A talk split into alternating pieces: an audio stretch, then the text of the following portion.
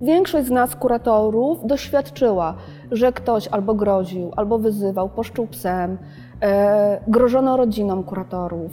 Kuratorzy rodzinni pracują w święta, jeżeli mają udział w kontaktach. To może być wigilia, to może być narodzenie, bo kurator musi być przy kontakcie rodzica z dzieckiem. My jeszcze trafiamy do domów, gdzie nie ma prądu, e, gdzie się odwiedza podopiecznych przy świecach, e, gdzie nie ma bieżącej wody, gdzie nie ma łazienek. Wchodzimy w różne miejsca i często jest tak, że tam, gdzie wchodzi policja z bronią, my wchodzimy z długopisem w ręku i z notesem.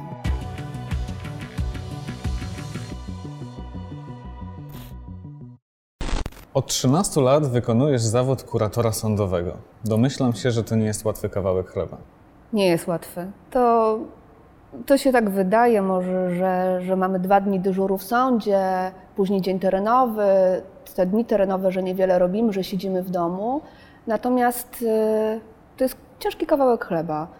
Spotykamy przeróżne historie y, życiowe, wchodzimy w różne miejsca i często jest tak, że tam, gdzie wchodzi policja z bronią, my wchodzimy z długopisem w ręku i z notesem. Kim są twoi podopieczni? Do jakich ty ludzi chodzisz? To jest cały przekrój społeczeństwa. E, Od ludzi karanych za jazdę pod wpływem alkoholu, e, za znieważenia funkcjonariuszy, za przemoc domową, za kradzieże, oszustwa, wyłudzenia, po osoby karane za morderstwa. To jest cały przekrój społeczeństwa i to też nie ma takiej charakterystyki, że nie wiem, że to są tylko, nie wiem, mężczyźni z nizin społecznych. Są wszyscy. I ty zawsze z tym notesem, długopisem, I długopisem Właśnie, w ręku, tak. właśnie do tych osób idziesz. Tak, tak. Chodzimy bez zapowiedzi. No właśnie, to szczególnie istotne. To są Tak. zawsze wizyty bez zapowiedzi. To dobrze czy źle? I, ta, I dobrze, i, i źle. To zależy, jak na to spojrzymy. Jeżeli wchodzę bez zapowiedzi, e, to, to widzę sytuację w miarę rzeczywistą. Jeżeli kurator się zapowie, to się wszyscy przygotowują No właśnie, na, to, tak. na to spotkanie. Natomiast przy niezapowiedzianych wizytach też jest tak, że trafiasz na różne trudne też momenty w życiu ludzi. Na śmierć, e, na porody. Mi się zdarzyło na przykład wzywać karetkę do podopiecznej, która zaczęła rodzić i była sama w domu, na przedawkowania narkotyków. E, Też wzywałam kiedyś karetkę do podopiecznego, który przedawkował leki od psychiatrii, zapił je alkoholem. E, I czekam, aż ta karetka przyjedzie, on miał różne majaki. I pamiętam, że siedziałam i on tak na mnie patrzył i mówi tak, aniołku, ja wiem, że to ty, ale ja widzę w tobie czarownicę. I tak ja ją chciałbym zabić, nie? I tylko patrzyłam, czy on nie ma niczego yy, wokół siebie, żeby, żeby mi zrobić krzywdę, tak? I po prostu odliczałam czas, żeby przyjechało to pogotowie i żeby jego zabrało. Więc to, to, to, to są takie też historie. Czy też taka śmieszna, ostatnio koleżanka trafiła na wizytę yy, księdza. I stała dzielnie przedstawiona jako... Tak, tak. I, i, i uczestniczyła w tej wizycie, tak? Tam rodzina ją przedstawia jako nauczycielkę, po prostu, żeby nie było, że kurator przychodzi. Więc to, to jest to, no ale zostajemy sytuacje rzeczywiste. Przy, przy wizytach e, umówionych, no to zastaniesz sielankę. No tak. Chociaż to też jest czasami tak, że umawiamy się, bo na przykład jeżeli chcę porozmawiać z żoną podopiecznego, gdzie podejrzewam, że na przykład jest przemoc, to umówię się z nią tak, żeby ona mogła swobodnie rozmawiać. No bo wiadomo, że w obecności jej partnera nie będę rozmawiała, tak? E, To też się takie sytuacje zdarzają. Czy zdarzają się wyzwiska? Czy zdarza się, że ktoś poszczuje psem na przykład? O, tak, tak. To, to, to tak jest. I myślę sobie, że większość z nas, kuratorów, doświadczyła, że ktoś albo groził, albo wyzywał, poszczuł psem, e, grożono rodzinom kuratorów, tak? Mówiono, że wiedzą, gdzie ich dzieci chodzą do szkoły. Ja sama też kiedyś szkołę ostrzegałam, że może być taka sytuacja, żeby zwrócili uwagę na moje dzieci, ponieważ ktoś tam miał jakieś zastrzeżenia y, do mojej pracy. Moją koleżankę poszczuto psem, po prostu, bo, bo akurat ktoś miał gorszy dzień. Wyzwiska. To jest coś, z czym my się na co dzień spotykamy, pobicia. Nawet. Nawet pobicia, to takie dosyć poważne. Nie tak dawno miało miejsce pobicie e, jednej z kuratorek. E, mało co nie zginęła, uratował ją sąsiad. E, Nie wiadomo, czy wróci do pracy. To jest szpital, bo została zepchnięta ze schodów, pokopana. To są takie też ataki. A ty miałaś podobne sytuacje? Takie, w których czułaś się niebezpiecznie? Yy, miałam. mm, i w sądzie, i e, na, gdzie, gdzie w sądzie powinnam się czuć bezpiecznie, no bo to budynek sądu, tak? E, I w terenie. Mm, Opowiem Ci najpierw o tej sytuacji e, w terenie. Musiałam pychać zbadać kogoś alkomaty. My mamy obowiązek badania alkomatami. I pan, który dotychczas był miły, sympatyczny, po prostu się znaliśmy już długo, mówię, dobra, to tak na, na, będzie bezpiecznie. Dostał furii, po prostu dostał takiego szału, jak się dowiedział, że go przyjechałam przebadać alkomatem. Dom był y, daleko od ulicy, więc też nie miałam jakby kogo poprosić o pomoc.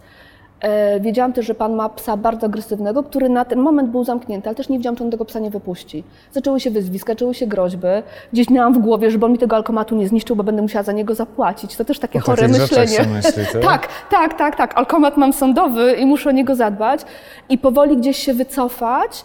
E, więc wycofywałam się tyłem, on tam mi wrzucał, wrzucał, żeby dojść do samochodu i po prostu odjechać.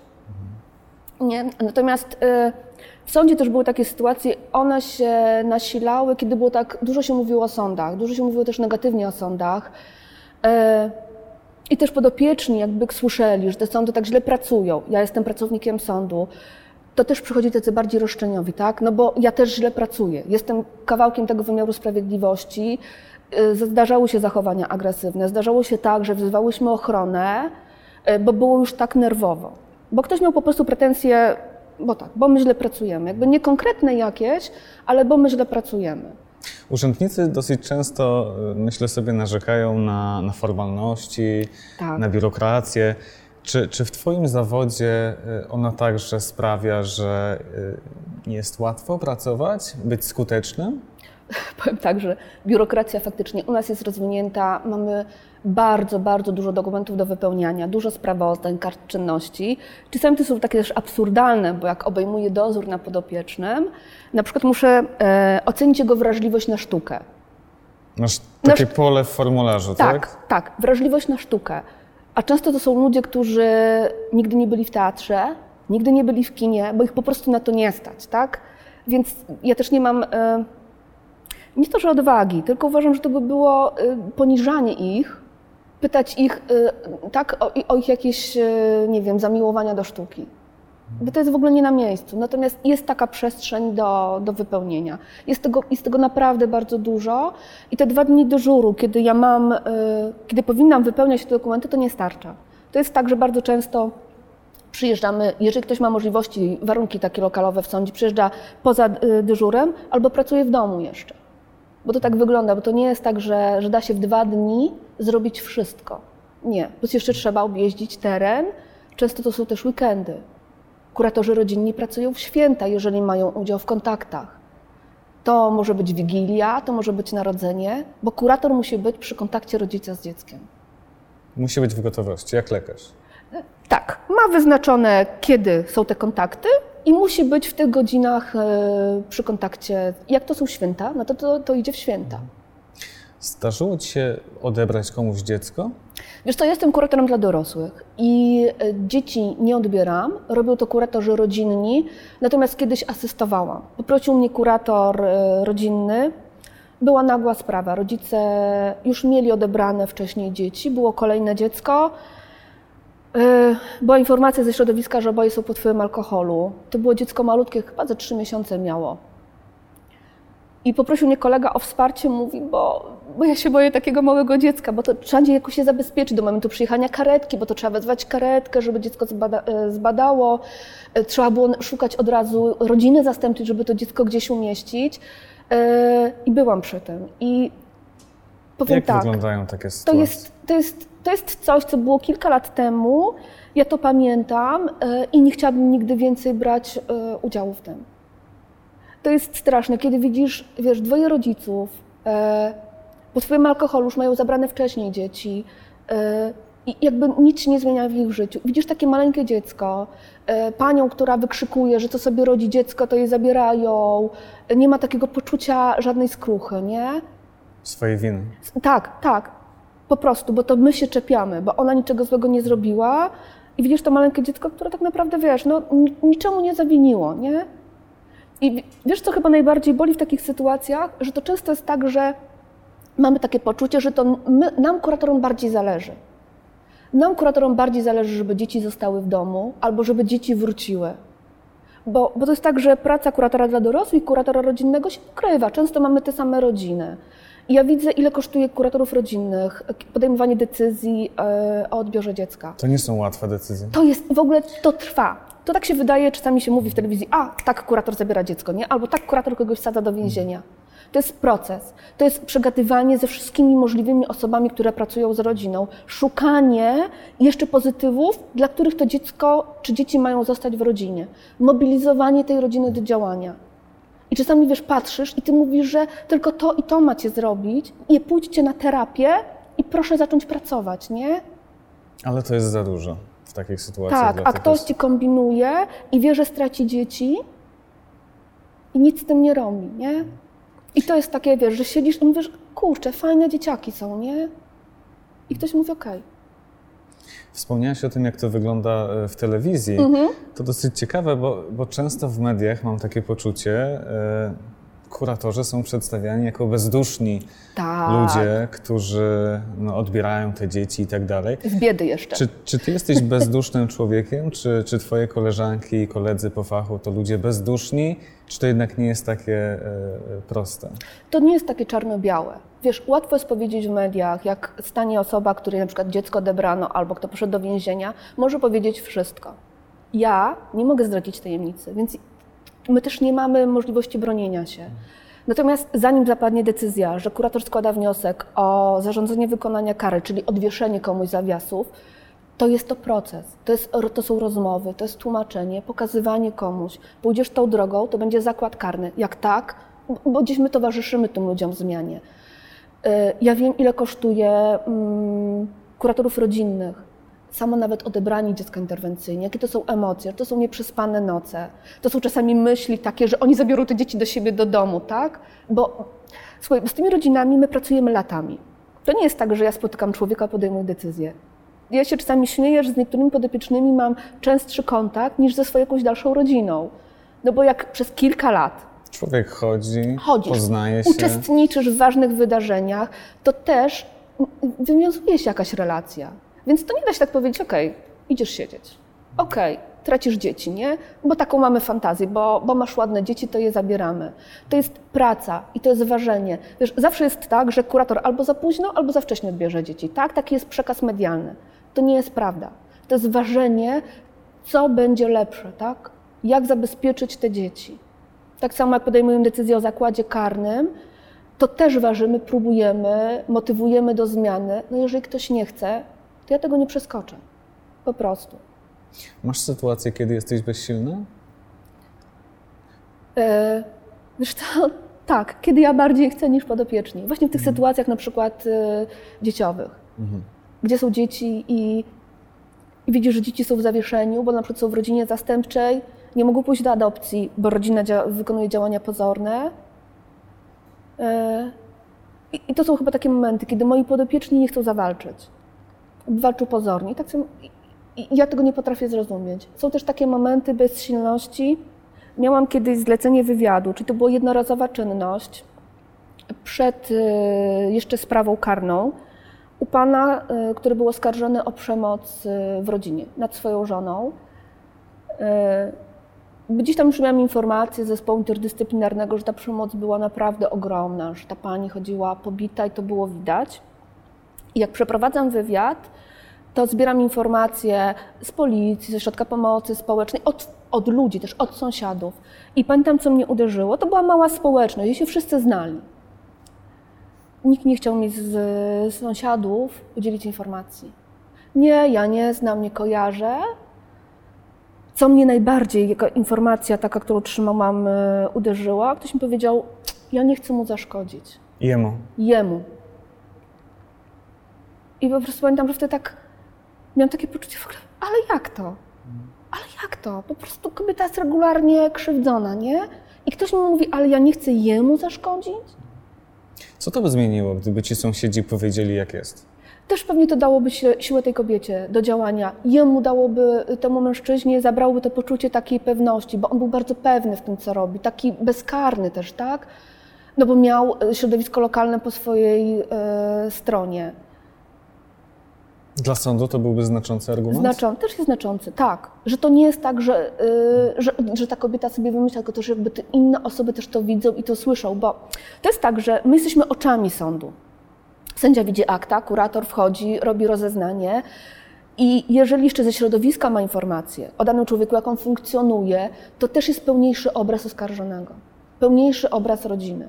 Kiedy ci sąsiedzi, wiesz, mówią, że nie, no to, no to masz tak jakby kawałek wycinka tylko, tak? Gdzieś od policji jakieś informacje, to są dosyć suche, no bo to z interwencji są krótkie notatki i, i tyle wiesz, nie? Czy tam ta sytuacja była wyjątkowa, czy sąsiedzi z zasady nie chcą rozmawiać, nie chcą udzielać informacji? Jest różnie. Eee, Ja mam i tak, że udzielają i nie, nie udzielają. Tak? Tamto środowisko było specyficzne, e, dosyć małe.